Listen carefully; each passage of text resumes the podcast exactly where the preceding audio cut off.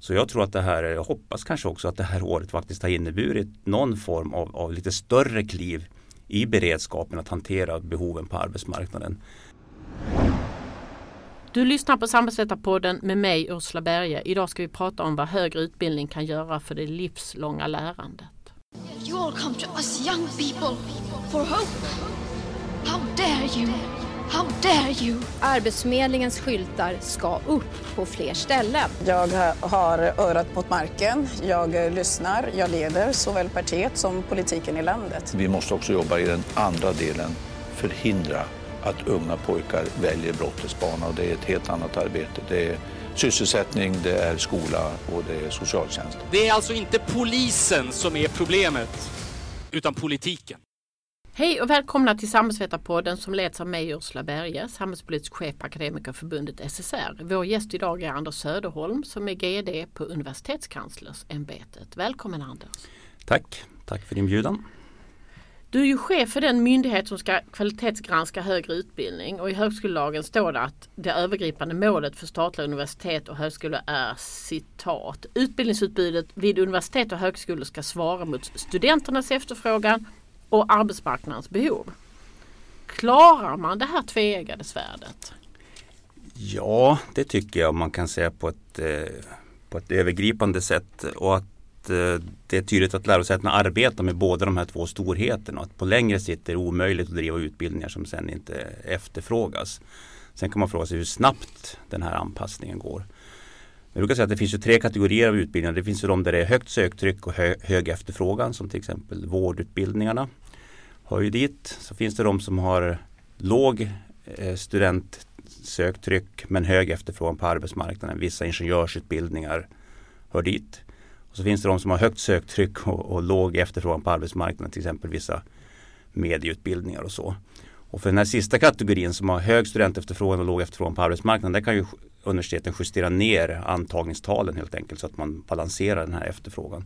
Så problemet är ju egentligen de som har liten efterfrågan på studenterna men hög efterfrågan på arbetsmarknaden. Där behöver man jobba aktivt för att matcha de här två storheterna då. Och då är det ett antal utbildningar som befinner sig i den kategorin.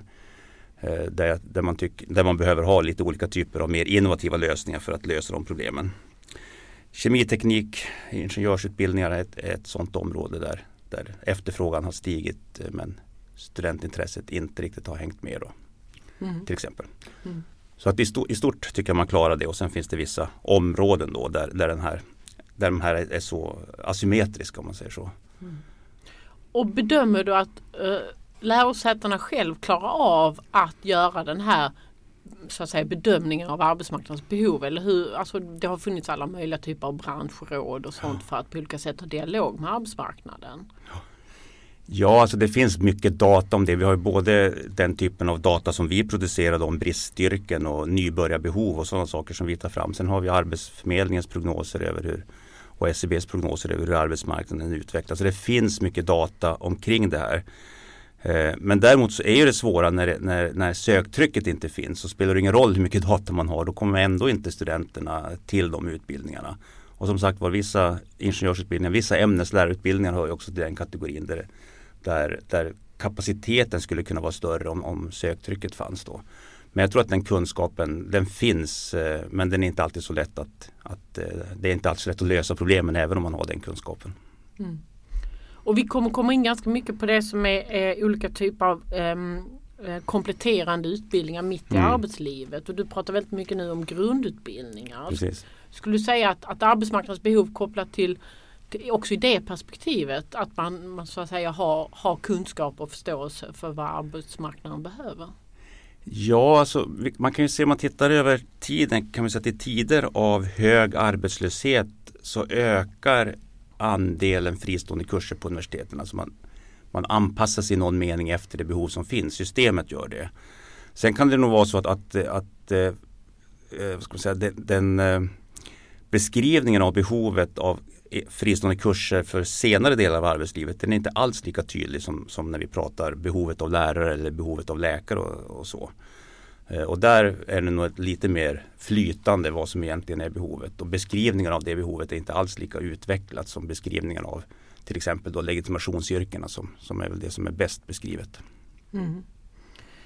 Um, akademisk frihet är ju någonting som är otroligt viktigt också för att vi ska ha en högkvalitativ både utbildning och forskning. Står den på något sätt i motsättning till eh, arbetsmarknadens behov?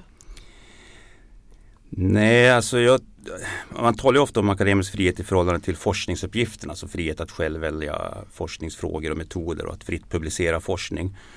Eh, och det där för man ofta över då också till utbildningssituationen att, att universiteten och kollegorna och, och eh, lärarna ska ha frihet att fritt forma kursinnehåll i utbildningarna. Eh, men, och, och, det tycker jag det är en viktig princip naturligtvis.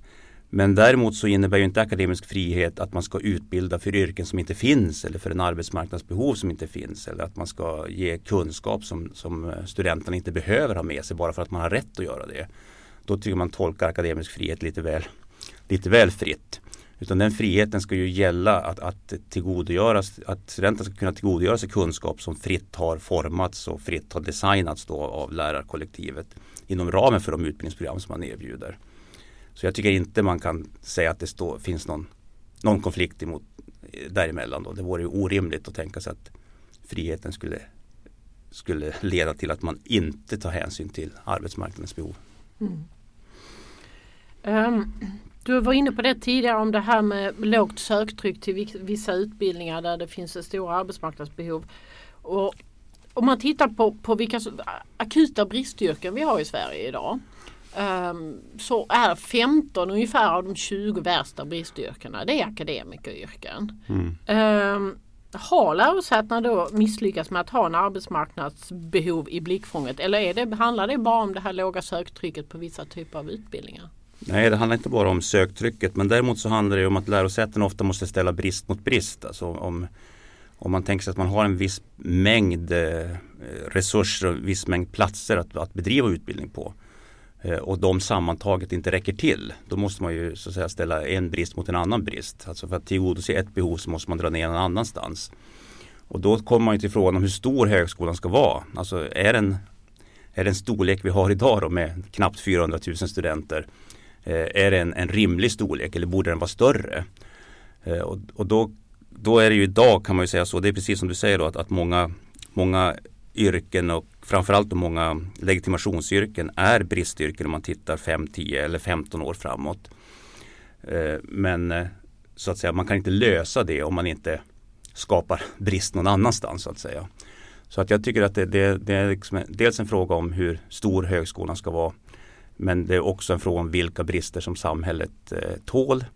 Och sen tycker jag man också måste kanske ställa sig frågan om hur, hur man kan hantera de här bristerna på andra sätt än genom att öka, öka utbildningsvolymen. Genom ändrat yrkesinnehåll eller kombinationen med andra yrken som, som kräver lägre utbildning till exempel. Mm. Jag tänkte vi skulle komma in, alltså um jag jobbar på ett fackförbund och vi är väldigt fokuserade på hur arbetsmarknaden fungerar också. Och, och, och vi, vi, är ju här på, på ett akademikerförbund där vi ser högre utbildning som en otroligt viktig del till en välfungerande och, och hela tiden utvecklande arbetsmarknad. Eh, och eh, därigenom är vi såklart väldigt intresserade av högre utbildning och hur den är konstruerad. Och då eh, om man tittar på vad som har hänt med högre utbildning eh, i ett eh, 10-20 års perspektiv så har vi fått väldigt mycket fler program, platser inom program och, och, väldigt mycket färre fristående kurser, det vill säga det som kallas programifiering. Varför har det blivit så? Alltså det finns väl två förklaringar tänker jag. Det ena är ju att, att utbudet faktiskt följer behovet. Alltså vi såg en tillväxt i fristående kurser både under den så kallade finanskrisen då och under IT-kraschen. Så, så, så gav det behovet som, som de kriserna förde med sig gav också upphov till ett större kursutbud på lärosätena. Eh, när arbetsmarknaden lugnar ner sig lite grann då tenderar behoven att skifta till att eh, kanske i mindre utsträckning vara fristående kurser och i större utsträckning program. Så en förklaring är att utbudet följer behoven. Det speglar i någon mening behoven. Den andra förklaringen det är ju att eh, det systemet som finns för resursfördelning i någon mening premierar de, lång, de studenter som stannar lång tid. För, för lärosätena blir det en mycket rimligare och kan man säga mycket mer stabil verksamhet om man kan planera för studenter som finns i tre till fem år istället för de som finns i fem till tio veckor. Så den andra förklaringen är nog rent att det, att det finns fördelar planerings och resursfördelningsmässigt av att eh, få studenter som, som befinner sig en lite längre tid på högskolan. Så, så båda de här två förklaringarna tror jag, tror jag ligger bakom det som då kallas programifier, programifiering just nu då, men som vid andra tidpunkter då har faktiskt lett, lett till att eh, andelen kurser har ökat väldigt kraftigt. Mm. Så att eh, det kan gå åt båda hållen helt enkelt. Och vad lever vi nu för tid? Nu har vi, ja fram till nu då, pandemin har, har ju satt sina spår men om vi tar strax innan den eh, så har vi haft en lugnare arbetsmarknad eh, där, där högskolan har vridit sig lite mer mot studenter som vill komma och studera lite längre program. Eh, och det har skett, delvis, eller det har skett då på bekostnad av ett fristående kursutbud som har gått ner. Vi hade en topp där 28, 9, 10 efter finanskrisen och sen har det liksom planat ut då. Nu under pandemitider så ser vi att, att det kommer nya studentgrupper till högskolan igen då som kanske antingen då är permitterade eller friställda. Så det är möjligt när vi summerar 2020 att vi kommer att se ett, en, liksom en, en, en brott i den här programmeringskurvan möjligen. Men handlar det bara om söktrycket och hur många som söker sig dit? Alltså min bild är ändå att de flesta högskoleutbildningar är ganska fulla. Att, eh, eh, handlar det också om hur många platser som de facto erbjuds av lärosätena? Ja, alltså det finns ju en, eh, en, en, maximal mängd studenter som går in under de anslag som lärosätena har. Och de sista åren så har universitetssektorn gått på kan man säga, full fart, alltså 101-102 procent av tillgängligt utrymme har använts. Man har utbildat lite mer än man har betalt för helt enkelt. Så att eh, det är, det är verkligen liksom ett system som, som går för fullt. Och då handlar det, när vi ser de här förändringarna så är det förändringar inom ramen för det. Då. Sen har ju regeringen lagt på resurser vid olika tillfällen. Man, nu la man ju på resurser både för att eh, bygga ut vissa lärarutbildningar, man har lagt på resurser för det man kallar då för livslångt lärande kurser, alltså kurser där man drar ner kraven på, prestations, på prestationerna i resursfördelningssystemet. Så att eh, inom ramen för det så sker det omfördelningar och sen på toppen där så, så ligger regeringen och, och liksom gör olika satsningar och olika typer av säga, extra resurser som kommer vid, vid, vid olika tillfällen. Då. Mm. Och jag tänker Eh, den situation vi är i nu eh, det är ju till exempel att eh, arbetslösheten för akademiker har inte varit så hög på tio år och vi har ju en långtidsarbetslöshet bland akademiker som, som faktiskt lite, jag ska inte säga skenar, men den är rejält stigande. Det vill säga väldigt många har varit arbetslösa nu mer än sex månader. Och då tänker jag så här plötsligt så Alltså om man själv hade blivit arbetslös som akademiker så hade man ju kanske tänkt i första hand att men då, då ska jag kompetensutveckla mig inom, inom akademin. Och då kanske man inte riktigt svarar mot de här ja, men, antagning 15 april till höstterminen. Eller, alltså, ha, ha, och så alla korttidspermitterade som är jättemycket akademiker.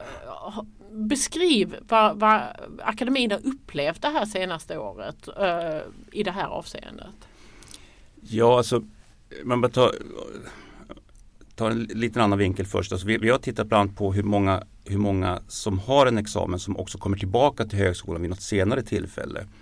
Om man tittar från 95 och framåt, nu, sen 95 är det ju då, är ju då 25 år och om man följer alla kohorter från 95 och framåt så är det nästan upp mot 50 procent av de som har en högskoleexamen som kommer tillbaka till eh, högskolan för, för ytterligare studier. Alltså oftast då kurser men det kan ju också vara ett masterprogram eller ett specialistprogram av, av, någon, av någon karaktär. Så det finns ett stort återflöde eller en stor återanvändning av högskolan från just de grupper som du nämner som har en akademisk examen som grunden i, sin, i sitt yrke. Eh, och det är precis på det sättet tänker jag nu också det som har hänt under det sista året. Vi har inte siffrorna, vi har inte summerat 2020 ännu i våran statistik då, men jag tror att vi kommer att kunna se att den gruppen som återkommer med en examen i bagaget har ökat. Eh, och sen är, är, det ska vi säga, sen är det väl en fråga hur, hur snabbt utbudet har formats för att möta de behoven. Det, det, kommer ju att finnas även 2021 och 2022 också. Ett sådant behov säkerligen då. Men att den här eh, ska säga, beredvilligheten eller beredskapen att komma tillbaka till högskolan efter avlagd examen. Den, den finns faktiskt hos nästan hälften av alla, alla studenter som går ut. Mm. Eh, som företrädare för, för, en arbetsmarknadspart så har vi väldigt mycket bilden av att, att det, fristående kurser är det tillgängligaste sättet där högre utbildning verkligen skulle kunna vara eh, någonting som man kan dra nytta av om man ska kompetensutveckla sig mm. mitt i arbetslivet. Um, samtidigt som, så, så, har vi ju sett då att, att de platt, antalet platser inom eh, fristående kurser har minskat väldigt mycket. Um, du beskrev att lite är det anslagssystemets konstruktion. Men jag, visst har det varit en politisk vilja i det här också? Att man har velat styra mot utbildningar som leder till examen och så vidare? Ja, alltså det har ju varit lite olika bud där. Ett, en period under alliansregeringen så, så, vill man ju, så vill man ju aktivt sänka medelåldern hos studenterna och att man skulle starta utbildningen så fort som möjligt och komma ut på arbetsmarknaden så fort som möjligt. Det var någon form av betoning tror jag man kan säga då på, på ungdomsstudenter. Eh, om man mätte eh, som, eh, medelåldern på studenten och det är klart att den, den höjs ju om man kommer tillbaka senare i livet. Idag tycker jag att kompetensförsörjningsfrågorna är mycket bredare. Och man har en förståelse för att högskolan faktiskt måste arbeta i hela, mot hela yrkeslivet. Eh, och att det inte kan vara så, man kanske inte heller det kanske inte heller är ändamålsenligt att man ska ha mycket utbildning i början av arbetslivet. Man kanske ska ha, kanske ska ha en medellång utbildning i början eh, och fylla på den eh, senare. Antingen vid karriärbyten eller när man behöver fylla på kompetens. Så jag tycker ändå att anslaget idag är bredare än vad det, än vad det var tidigare. Då var det väldigt tydligt så att man skulle plugga tidigt och bli klar tidigt och komma ut på arbetsmarknaden fort och så skulle man vara där. Och så skulle den utbildningen hålla i 40 år? Ja, i, i någon sorts antagande så, så, kan man väl säga att det var så. Men, men som sagt var idag är åtminstone förståelsen både från politiken tycker jag och från arbetsmarknadens parter att, att eh, så ser inte arbetsmarknaden ut längre och så, så den kravbilden håller på att förändras eller har förändrats. Mm. Om man ska vara lite elak så kan man ju säga att ja, är lärosätena lite bekväma också? Det är bekvämt att ha programstudenter. De kommer in en termin och så traskar de på där i 8-10 terminer. Och vet, man vet vilka pengar man får och man vet var de är och så vidare. Och att fristående kurser är lite stökigare. Ja, så det är åtminstone lite mer svårplanerat och lite mer rörligt material förstås. Men eh, alltså, redan idag är det ju så att var, var, ja, ungefär 15 procent av alla studenter studerar utanför campus. Eh, vi har alltså var femte student är över 35 år. Så att utbudet är mycket mer varierat än vad man kanske tror och föreställer sig. Många har föreställningen att studenterna i huvudsak är 19 år och kommer från gymnasiet och läser ett tre eller femårigt program. Men det är faktiskt, det är faktiskt inte så att, att det är den dominerande. Det, är en stor grupp naturligtvis men det är absolut inte bara den enda gruppen som finns utan det finns många andra grupper. Så att vanan av att, ta, av att eh, tillgodose äldre studenter och att arbeta med andra distributionssätt än heltid på campus. Den är mycket, mycket större än vad man kanske föreställer sig. Och vi ser ju att, att, så att, säga, att det avspeglas också i siffermaterialet då att eh, vi har både äldre studenter, vi har karriärbytare eh, och det finns många andra distributionsformer än heltid på campus som, som används idag. Mm. Men ser du att vi är på väg in i någon form av liksom, skifte här? Att vi är på väg mot mer av en flexibel eh, högre utbildning där man går in och ut ännu mer än vad man gjort tidigare? Ja absolut och jag tänker, det är väl en sån, ett sånt steg också som det här senaste året har inneburit att formerna för att erbjuda utbildning har utvecklats och kommer att fortsätta utvecklas på det sättet att, att eh, distansutbildning eller utbildning som, som inte kräver fysisk närvaro eller som har mindre andel fysisk närvaro ger också nya möjligheter till samarbete mellan lärosäten som man kanske inte riktigt hade utnyttjat till fullo tidigare. Så jag tror att det här, jag hoppas kanske också att det här året faktiskt har inneburit någon form av, av lite större kliv i beredskapen att hantera behoven på arbetsmarknaden. Och då handlar det både om utbudet men också om distributionssätten och formerna för att till, tillgängliggöra utbildning. Så jag tror absolut att vi är på väg, eller kanske redan är, i ett läge som, som är ganska annorlunda mot, mot ett traditionell bild av vad universiteten ska göra för något. Mm. Och vi har alla gjort olika typer av digitala språng det här året men man har ju absolut mm. bilden att lärosätena har, har gått in i det mycket, mycket mer än vad som, som var fallet tidigare. Ja, vi, vi, vi har ett uppdrag från regeringen att följa den här förändringen och hur det har gått och vad det har inneburit och så. Det är klart att det har varit en stor belastning för lärosätena, både för studenter och för, för medarbetare på lärosäten att göra det här. Men samtidigt så, så har det ändå fungerat att inte riktigt men nästan från en dag till en annan eh, lyfta över en, en eh, majoritet av utbildningarna till olika typer av distanslösningar. Så det är en massiv förändring som genomfördes på, på kort tid. Och sen tror jag att då, då när man gör det så, så kommer kvalitetsfrågorna att, att liksom dyka upp och hanteras efterhand. Eh, och min intryck är att lärosätena arbetar nu otroligt mycket med just att komma ikapp då teknikmässigt och kvalitetsmässigt och pedagogiskt eh, i sitt utbildningsutbud för att, att, att på sikt då kunna ha en betydligt större andel som är ja, tillgängliggjorda på andra sätt än via heltidcampus. Mm.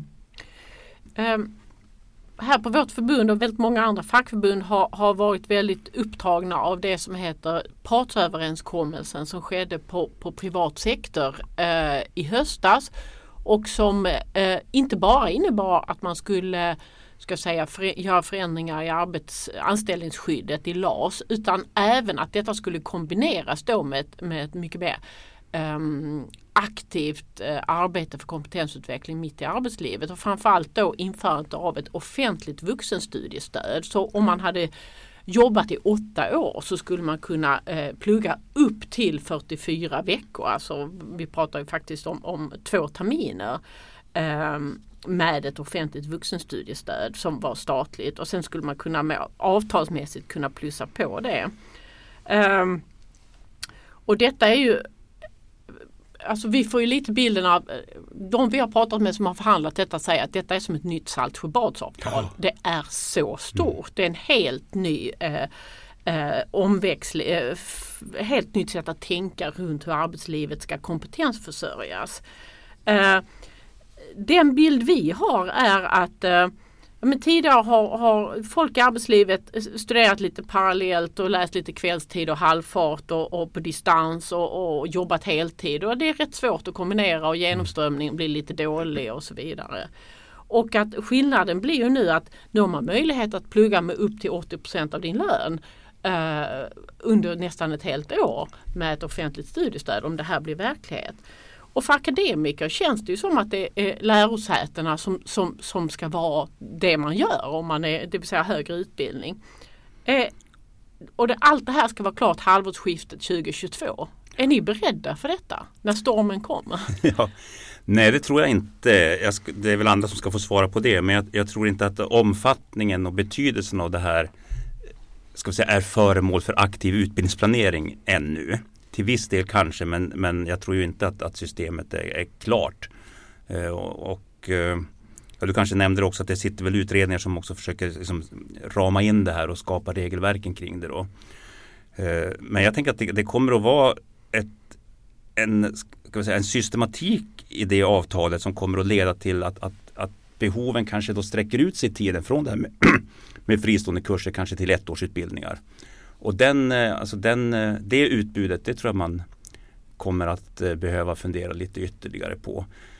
Och då kan man ju tänka sig, det finns ju det man brukar kalla för professional masters, alltså ettåriga utbildningar på masternivå som kanske breddar yrkeskompetensen snarare än fördjupar den. Eller som förbereder för nya yrken snarare än att, att man blir bättre på det man gjorde tidigare. Och att det kanske finns utrymme nu för ett, ett ett sådant utbud att växa fram som är på avancerad nivå, som är sammanhållna utbildningar men som ändå håller sig under, eh, inom ramen för ett år då eller något sånt då. Till exempel. Och det arbetet, det tror jag lärosätena kommer att, kommer att behöva ta tag i aktivt då när, formerna för, när ramarna kring det här börjar bli klara. Då. Eh, sen som sagt var hur, hur, väl detta är förberett just nu, det vågar jag inte riktigt säga. Men jag tror att det finns ju ett stort engagemang kring de här frågorna och eh, jag hoppas och tror att det kommer att vara en aktivt arbete för att forma det här. Och det måste man väl också i någon mening göra tillsammans med några parter. Alltså det är frågan vem man ska tala med, om det är de stora företagen eller arbets, arbetsmarknadens parter som är samtalspartners för att definiera hur den här typen av utbildningssatsningar skulle kunna se ut. Då. Eh, men det behövs någon dialog med lärosätesgruppen, alltså från arbetsmarknaden. För att eh, liksom forma ja, förutsättningarna och behoven och kanske också lite, lite grann eh, de olika typer av inriktningar som skulle vara mest aktuella. Man ser, vissa yrken har ju det här, om man säger vården och eh, i viss mån också lärare har ju den här typen av påbyggnadsutbildningar redan nu i utbudet för, från högskolan. Och kanske kan man hitta andra områden där den här typen av ska vi säga, exa, alltså korta utbildningar som faktiskt leder till någon form av ytterligare examen också kan vara aktuella. Mm.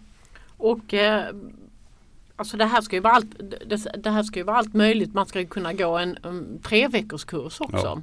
Ja. Eh, alltså, men jag, jag har lite känslan av att det här, det, vi har lite olika tidsskalor vi jobbar med. För de här tre utredningar som du pratar om, de jobbar i raketfart. De ska mm. vara klara 15 maj.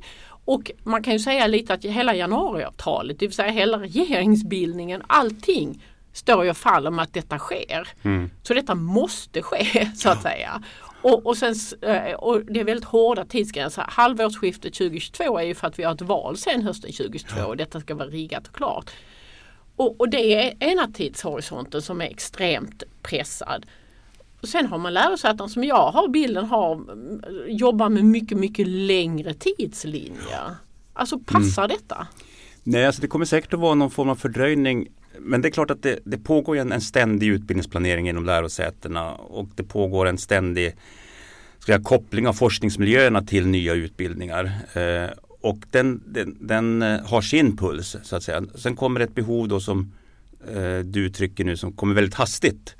Eh, och då, då kommer inte det att vara fullt synkat inledningsvis. Det tror jag väl kanske inte då. Men alltså att det, att det pågår en sån utveckling som kommer att liksom kunna anpassa sig till det där. Det, det tror jag. Men jag är osäker på hur mycket kontakter det finns idag mellan, mellan eh, lärosätena och den här ska vi säga då, eh, partsöverenskommelsen.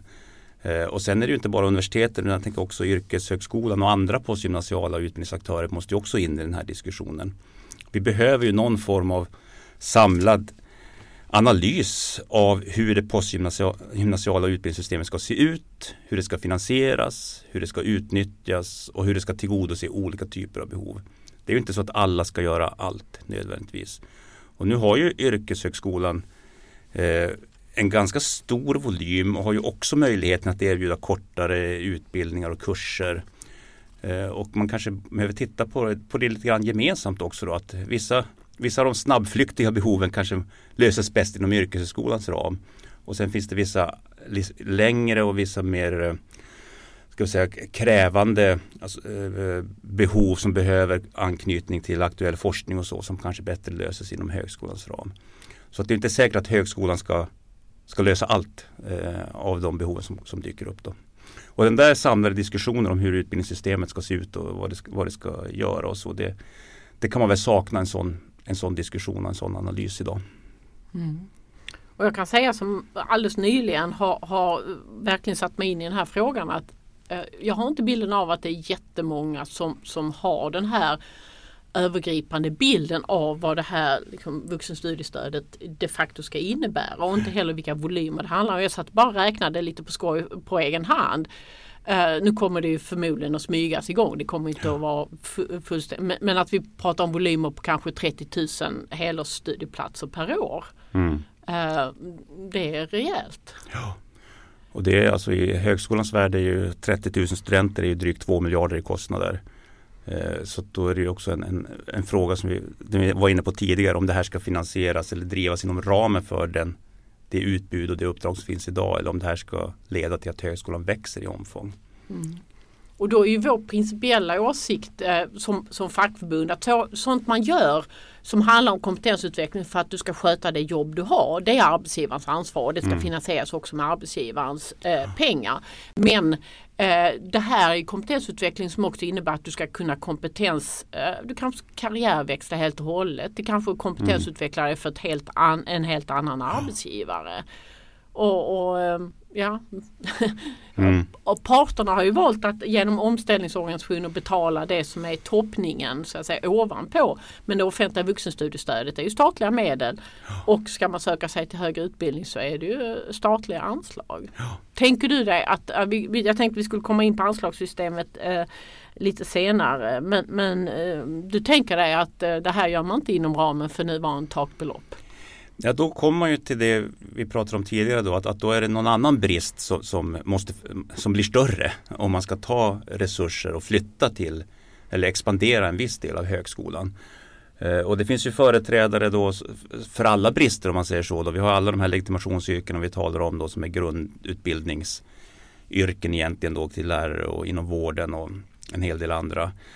Eh, och det är klart att, att eh, varje resurs flytt inom systemet som helhet eh, skapar problem någon annanstans. Eh, så att eh, och, det, det kanske ska vara så. Det är inte självklart att, att högskolan ska bli större. Men då måste, man, då måste man vara medveten om att ska man svara upp mot 30 000 kanske inte 30 000 nya studenter men, men åtminstone ett, ett stort antal nya studenter så får det konsekvenser någon annanstans i systemet. Och då menar då behöver man dels diskutera hur stor högskolan ska vara men man behöver dels diskutera för, eh, rollfördelningen mellan olika utbildningsaktörer inom det postgymnasiala systemet. Framförallt då yrkeshögskolan. Och, och ha den, ha den liksom bilden lite, lite samlad då. Ehm, jag läste en rapport från Riksrevisionen, den är i och för sig fem år gammal nu, men, men där stod det att 63 procent av lärosätena tyckte att deras eh, uppdrag var otydligt vad det gällde fortbildning och mm. kanske också vidareutbildning. Äh, tycker du att statens signaler och det uppdrag man gett lärosätena är otydliga vad det gäller det här? Alltså, vad ska man svara på det? Alltså, man kan å ena sidan säga att att det är otydligt, ja i den meningen att det inte står tydligt utskrivet exakt hur utbildningsutbudet ska byggas upp i, mellan olika typer av program. På det sättet är det otydligt. Å andra sidan menar jag att det är en del i det ansvarstagande lärosätena har att nå upp till den här inledande paragrafen som du nämnde, att, att skapa en balans mellan efterfrågan på arbetsmarknaden och de behoven som finns där och vad studenterna faktiskt vill läsa för någonting. Och då kan det vara studenter från alla, alla kategorier av, av arbetsmarknaden eller från, från, eh, direkt från, från tidigare studier. Eh, så att jag tolkar den där riksrevisionsobservationen in, äh, som att ansvaret är å ena sidan otydligt men det innebär inte att man inte har tagit det ansvaret. Och jag tror att det finns många inom lärosätena som inte vill ha en, en mer detaljerad styrning om exakt hur stora andelar av utbildningsutbudet som ska rikta sig till olika grupper. Därför att då får man ett, ett lite mer byråkratiskt, lite, mer gosplanaktigt eh, system som kan vara svårt att hantera på lite längre sikt. Så jag har svårt att tolka den där observationen eh, på något ändamålsenligt sätt om man får uttrycka mig så. Jag tycker att det ska vara otydligt för att det betonar ansvaret som lärosätet har att forma sin sitt sätt att hantera den här balansen mellan efterfrågan på arbetsmarknaden och studenternas efterfrågan. Och då måste man också följa med och forma behovet efter arbetsmarknadens behov. Om det är så att det här hela livet lärandet dyker upp som ett tydligt arbetsmarknadsbehov. Då måste det tas upp som en förutsättning av lärosäten och forma, vara med och forma utbudet. Eh, så jag är lite osäker på om man ska ropa efter mer regleringar och, och, och mer styrning när det gäller de här frågorna. Mm. Det fanns ju en utredning som, som heter Styr och resursutredningen, strututredningen populärt kallat, som tyckte att man skulle reglera i högskolelagen mm. det här och det kom ju också en remiss i höstas på, på det, att man skulle skriva in det i högskolelagen. Um, är det för mycket styrning? Nej, alltså det, det, kan nog vara på sin plats. Det finns ju kan man säga, ett, ett antal sådana här mål som finns uttryckta då i, i lagen omkring internationalisering och breddad rekrytering. Och man skulle kunna tänka sig att livslångt lärande härbärgeras eller finns i den gruppen av, av liksom lite övergripande målsättningar för högskolesektorn. Jag tror inte det det, eh, det vore helt fel men det är inte heller självklart att det är det sättet som, som eh, man bäst tillgodoser det här behovet för. Jag vet inte om jag får anknyta till en annan del i strututredningen så, så pratar man ju där om att man skulle behöva ett, ett mer kvalificerat förfarande för att definiera varje enskilt lärosätes uppdrag. Man kan ju tänka sig att alla lärosäten inte ska utsättas för exakt samma styrsignaler och alla lärosäten ska inte göra precis samma sak. Ofta är det att man, man liksom vill förändra någon del i resursfördelningssystemet, skruva på någon knapp då med ersättningar och, och, så ska det slå igenom i hela systemet. Man kan ju också tänka sig att Högskolan i Skövde och Karolinska institutet och Södertörns högskola eller Luleå tekniska universitet ska formas, form, att man ska forma skilda uppdrag för de högskoleenheterna utifrån vad som är nationella behov och regionala behov. Eh, och den delen i strutförslaget skulle ju kunna lösa upp alla de här frågorna. Då skulle man kunna så att okej, okay, det här är ett lärosäte som framförallt ägnar sig åt programverksamhet för unga studenter och det ska ni göra och det ska finansieras på det här sättet. Och här har vi ett annat lärosäte som har en profil som lämpar sig väldigt väl för till exempel då eh, fristående kurser för, för eh, äldre studenter som, som finns på arbetsmarknaden. Då ska ni göra det med den här finansieringen. Så att den delen i strututredningen tror jag ska vara nyckeln till att lösa ut många av de här frågorna som, som, som vi pratar om nu. Då. Där man kanske inte ska sträva efter att hela systemet ska styras på exakt samma sätt och utsättas för samma styrsignaler eh, hela tiden. Utan lite mer kvalificerade bedömningar från lärosäte till lärosäte. Mm. En annan sak som strututredningen eh, sa du, du, nämnde här tidigare att man skulle kunna ha sådana här kompletterande mm, ettåriga program och det skulle kunna vara en del av livslångt lärande. Strututredningen sa jättetydligt att det är fristående kurser som ger de goda förutsättningar för livslångt lärande. Ja, alltså det är ju den komponenten i vårt system som är, som är mest flexibel. Eh, så det, den finns ju där och, och, vi har ju jättemånga studenter. Alltså det är ju, av de 300 000, 300, nästan 400 000 studenterna som finns så är det ju en bit över 100 000 som läser fristående kurser. Så det är ju en, en, en del i utbudet som är snabbrörligt och där man som student själv kan plocka och man kan plocka mellan olika universitet och högskolor. Så att det är den Ja, det är där rörligheten och flexibiliteten finns i systemet. Så, och det tror jag det är det som strututredningen pekar på att där, där har man en, ska vi säga, ett färdigt verktyg då som, som, som är lättanvänt för den här typen av behov och som också kan ändras relativt snabbare då än, än eh, programutbudet. Mm. Och det finns ju, eh, förutom då med program kontra fristående kurser så, så kan man tänka sig att det, är um, olika utbildningsformer som, som kommer att svara mot det här behovet bättre än andra. Och då, ja men, distansutbildningar, eh, öppna nätbaserade utbildningar har vi varit mm. inne på uppdragsutbildningar. Alltså tänker vi oss att, att floran kommer att, eh, att det här olika typer av utbildningsutbud som finns kommer att eh, utvecklas åt alla möjliga olika håll? Eh, ja, alltså åtminstone eh, när det gäller distansutbildning så, så är det ju en sådan utveckling som redan är på gång. Den har gått lite upp och ner ska jag säga då, alltså andelen, andelen utbildningar eller andelen studenter som, som studerar i distanssatta utbildningar har gått lite upp och lite ner. Är nu ungefär då knappt 15 procent, 14-15 procent. Men jag tänker, du var inne på tidigare också att det här pandemiåret har väl inneburit ett språng på det området där, där den delen av utbudet har fått bättre förutsättningar eller kommer att få bättre förutsättningar. Och också att samarbetet mellan lärosätena blir så mycket mer hanterbart om man tänker sig att, att man samarbetar kring en distansutbildning än om man samarbetar kring campusutbildningar. Så förhoppningsvis leder det till att det utbudet stärks, blir bättre och att man också kan rollfördela, arbetsfördela mellan lärosätena på ett, på ett klokare sätt då, med hjälp av ny teknik och med hjälp av distansutbildning. Då. Uppdragsutbildning är idag ungefär 2 miljarder per år av en total utbildningsvolym på drygt 30 miljarder. Så att det är 7-8 procent något sånt där som, som är uppdragsutbildning. Och stora delar av det är ju, är ju eh, polisutbildning och det är också Försvarsmaktens utbildningar som man köper. Så, så. Men det finns ju en, en, lit, en, mindre del och en växande del som också är kurser och kortare, kortare utbildningar.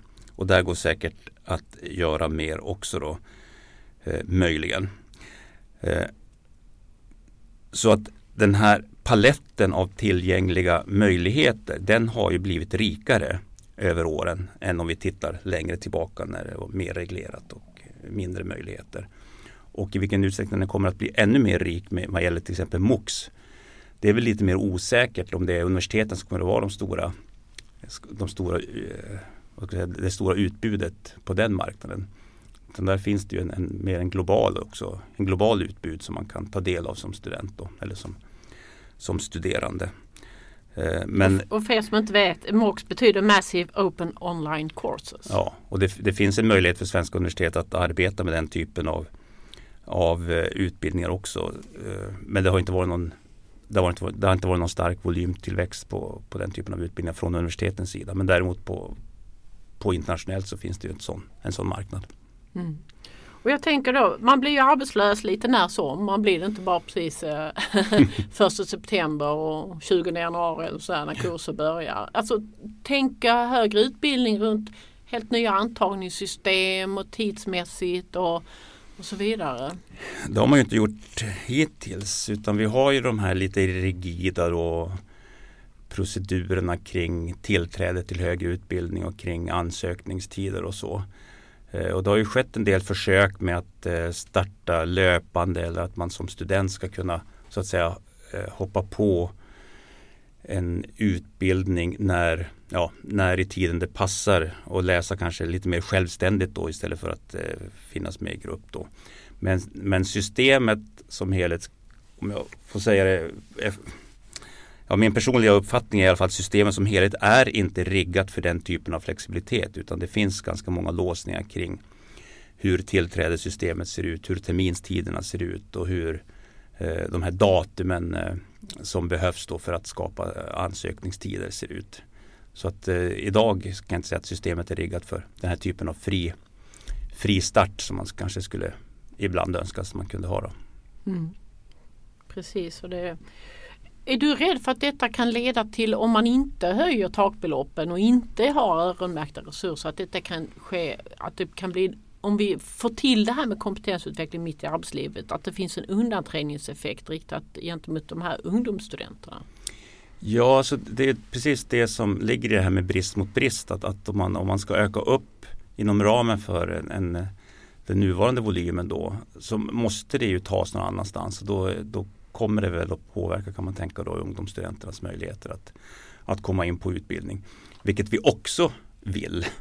Eh, och vi har nu ungefär 43 procent och sånt av en ungdomskull som inom nu ska vi se, inom fyra år är det väl, eh, kommer in i högre utbildning och där ligger vi mitt i, mitt i OECD-gruppen kan man säga med de siffrorna.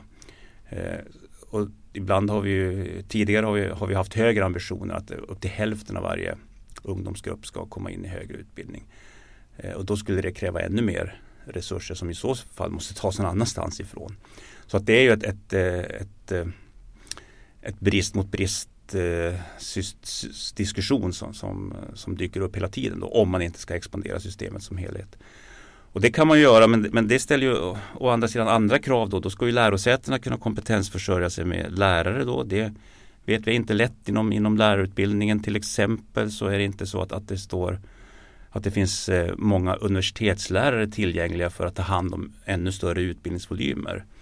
Och på sikt måste forskningsmiljöerna växa i, i någon form av relation till hur utbildningsuppdragen växer i alla fall. Och det är inte heller självklart att forskningsresurserna finns tillgängliga på det sättet som man vill att utbildningarna ska växa. Så att det här är ett, ett, eh, ett en stor ett stort och, och ganska komplext eh, system. Och som jag sa tidigare då så, så ibland skulle man vilja ha en diskussion om hur vad ska vi ha högskolan till och hur, hur ska man, vad ska vi ha för förväntningar om, om eh, responsivitet i förhållande till nya behov och vad ska hanteras i de andra delar av det postgymnasiala systemet och hur ska man jobba ihop mellan yrkeshögskola och högskola till exempel. Så att det, det är många liksom variabler som, som, eh, som, som måste hanteras. Eh, och på enskilt lärosäte så hamnar man ofta just i det, brist mot brist. Vad, vad, vad ska vi tillgodose på vems bekostnad? Helt enkelt. Mm. Och jag, jag satt och räknade lite och tittade lite på utvecklingen. Alla sektorer på svensk arbetsmarknad tycker att de behöver större andel av de anställda som har en högre utbildning. Det gäller stat, det gäller kommun, det ja. gäller region, det gäller privat sektor.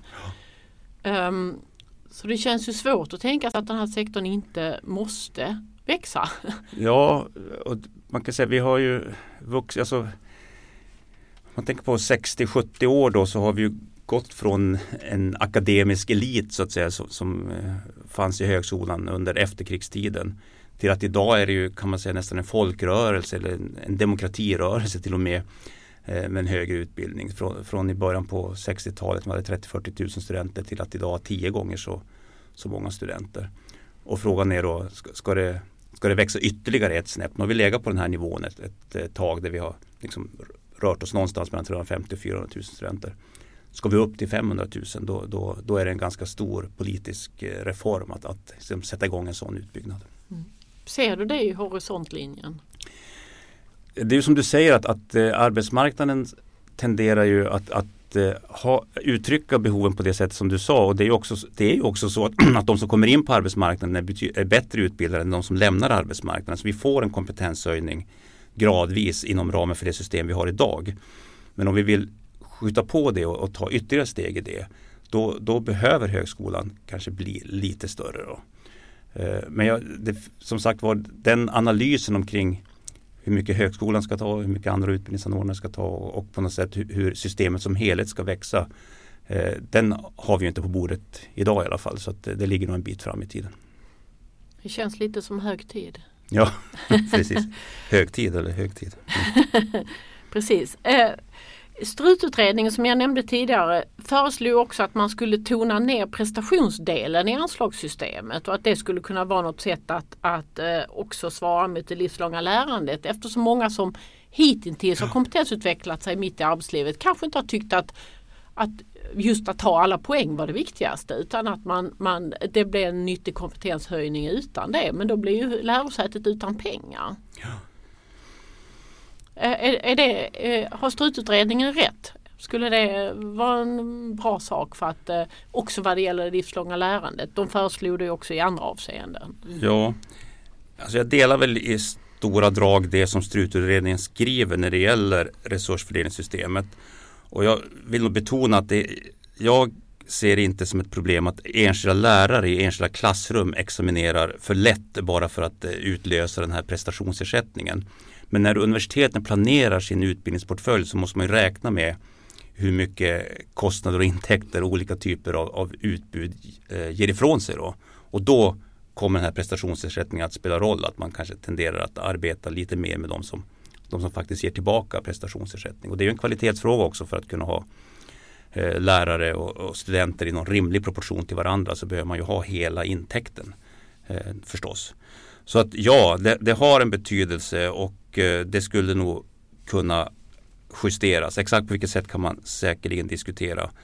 Eh, men att, eh, att det har en betydelse, ja. Jag skulle också vilja lägga till att jag tycker man kan också fråga sig varför tar man inte den här verifikationen som student då?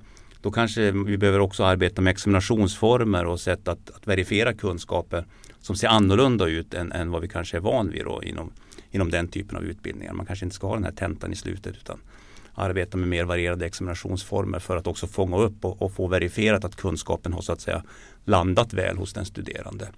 Så att jag tycker inte man bara ska liksom, eh, slänga ut prestationsersättningen utan att fundera på vad det i så fall innebär då för just möjligheten att tillgodogöra sig kunskapen. Ja och kanske utgångspunkten att vi kommer ha en genomströmning inom den här eh, kompetensutvecklingen mitt i arbetslivet som är det vi har sett hittills kanske är en hypotes som är helt felaktig. För nu har du möjlighet att studera med 80% av din lön på heltid. Alltså förutsättningarna att faktiskt lyckas med studierna lär väl öka om man inte behöver jobba heltid parallellt. Ja rimligen borde det vara så. Så att mm. man kanske inte ska anta att genomströmningen är likadan som den har varit historiskt. Nej. Med det här nya systemet. Avslutningsvis tänkte jag bara ställa en fråga till dig. Man, man, vill ju, man säger att det krävs mer utbildningspolitik i arbetsmarknadspolitiken och mer arbetsmarknadspolitik i utbildningspolitiken. Eh, och det låter ju jättebra, det har folk sagt ett bra tag nu. Eh, men ett sätt som man, man eh, vill göra det, det är till exempel att, att regeringen nu har, har föreslagit och, och att man ska kunna, att Arbetsförmedlingen ska kunna anvisa personer som är arbetslösa, det vill säga som ska anvisas till det som heter ett arbetsmarknadspolitiskt program. Att man ska kunna anvisas till reguljär utbildning. Um, och det teoretiskt sett, även om jag inte tror att det har hänt, skulle också kunna gälla högre utbildning. Mm. Vad tänker du runt det? Ja, utan att veta något egentligen om, om just det förslaget så, så tänker jag att det måste vi i så fall paras med de tillträdesregler som finns. Och sen då är vi inne på det med systemet, om det är riggat för den här typen av åtgärder eller inte. Så jag tänker som det ser ut idag då, så behöver man ju anpassa det både till, tillträdes och behörighetsreglerna som finns på högskolans område idag. Då. Hur jobbigt eller enkelt det kommer att kunna vara att göra det, det vet jag inte. Mm. Men tänker du att vi ser en bild framför oss där arbetsmarknadspolitik och utbildningspolitik i kunskapssverige mer och mer faktiskt är samma sak? Ja, ja alltså. De har varit i två olika burkar mm. rätt länge är min bild. Vi har ju ett sånt system både inom statsförvaltningen och inom politiken där man delar upp världens problem lite på det sättet då. Och alla de här sektorsövergripande frågorna är väl viktiga delar i att lösa kompetensförsörjningsproblemen. Alltså att ingen sektor kan göra det på egen hand. Så på det viset är det väl angeläget att politikområdena så att säga, stöttar varandra. Då. Mm. En spännande tid framför oss. Mm. mm. Tack Anders. Tack. Det var allt från Samhällsvetarpodden den här veckan. Samhällsvetarpodden görs varannan vecka och fångar upp stora samhällspolitiska frågor. Du hittar oss där du hittar andra podcasts. Samhällsvetarpodden görs av Akademikerförbundet SSR, Sveriges ledande samhällsvetarförbund.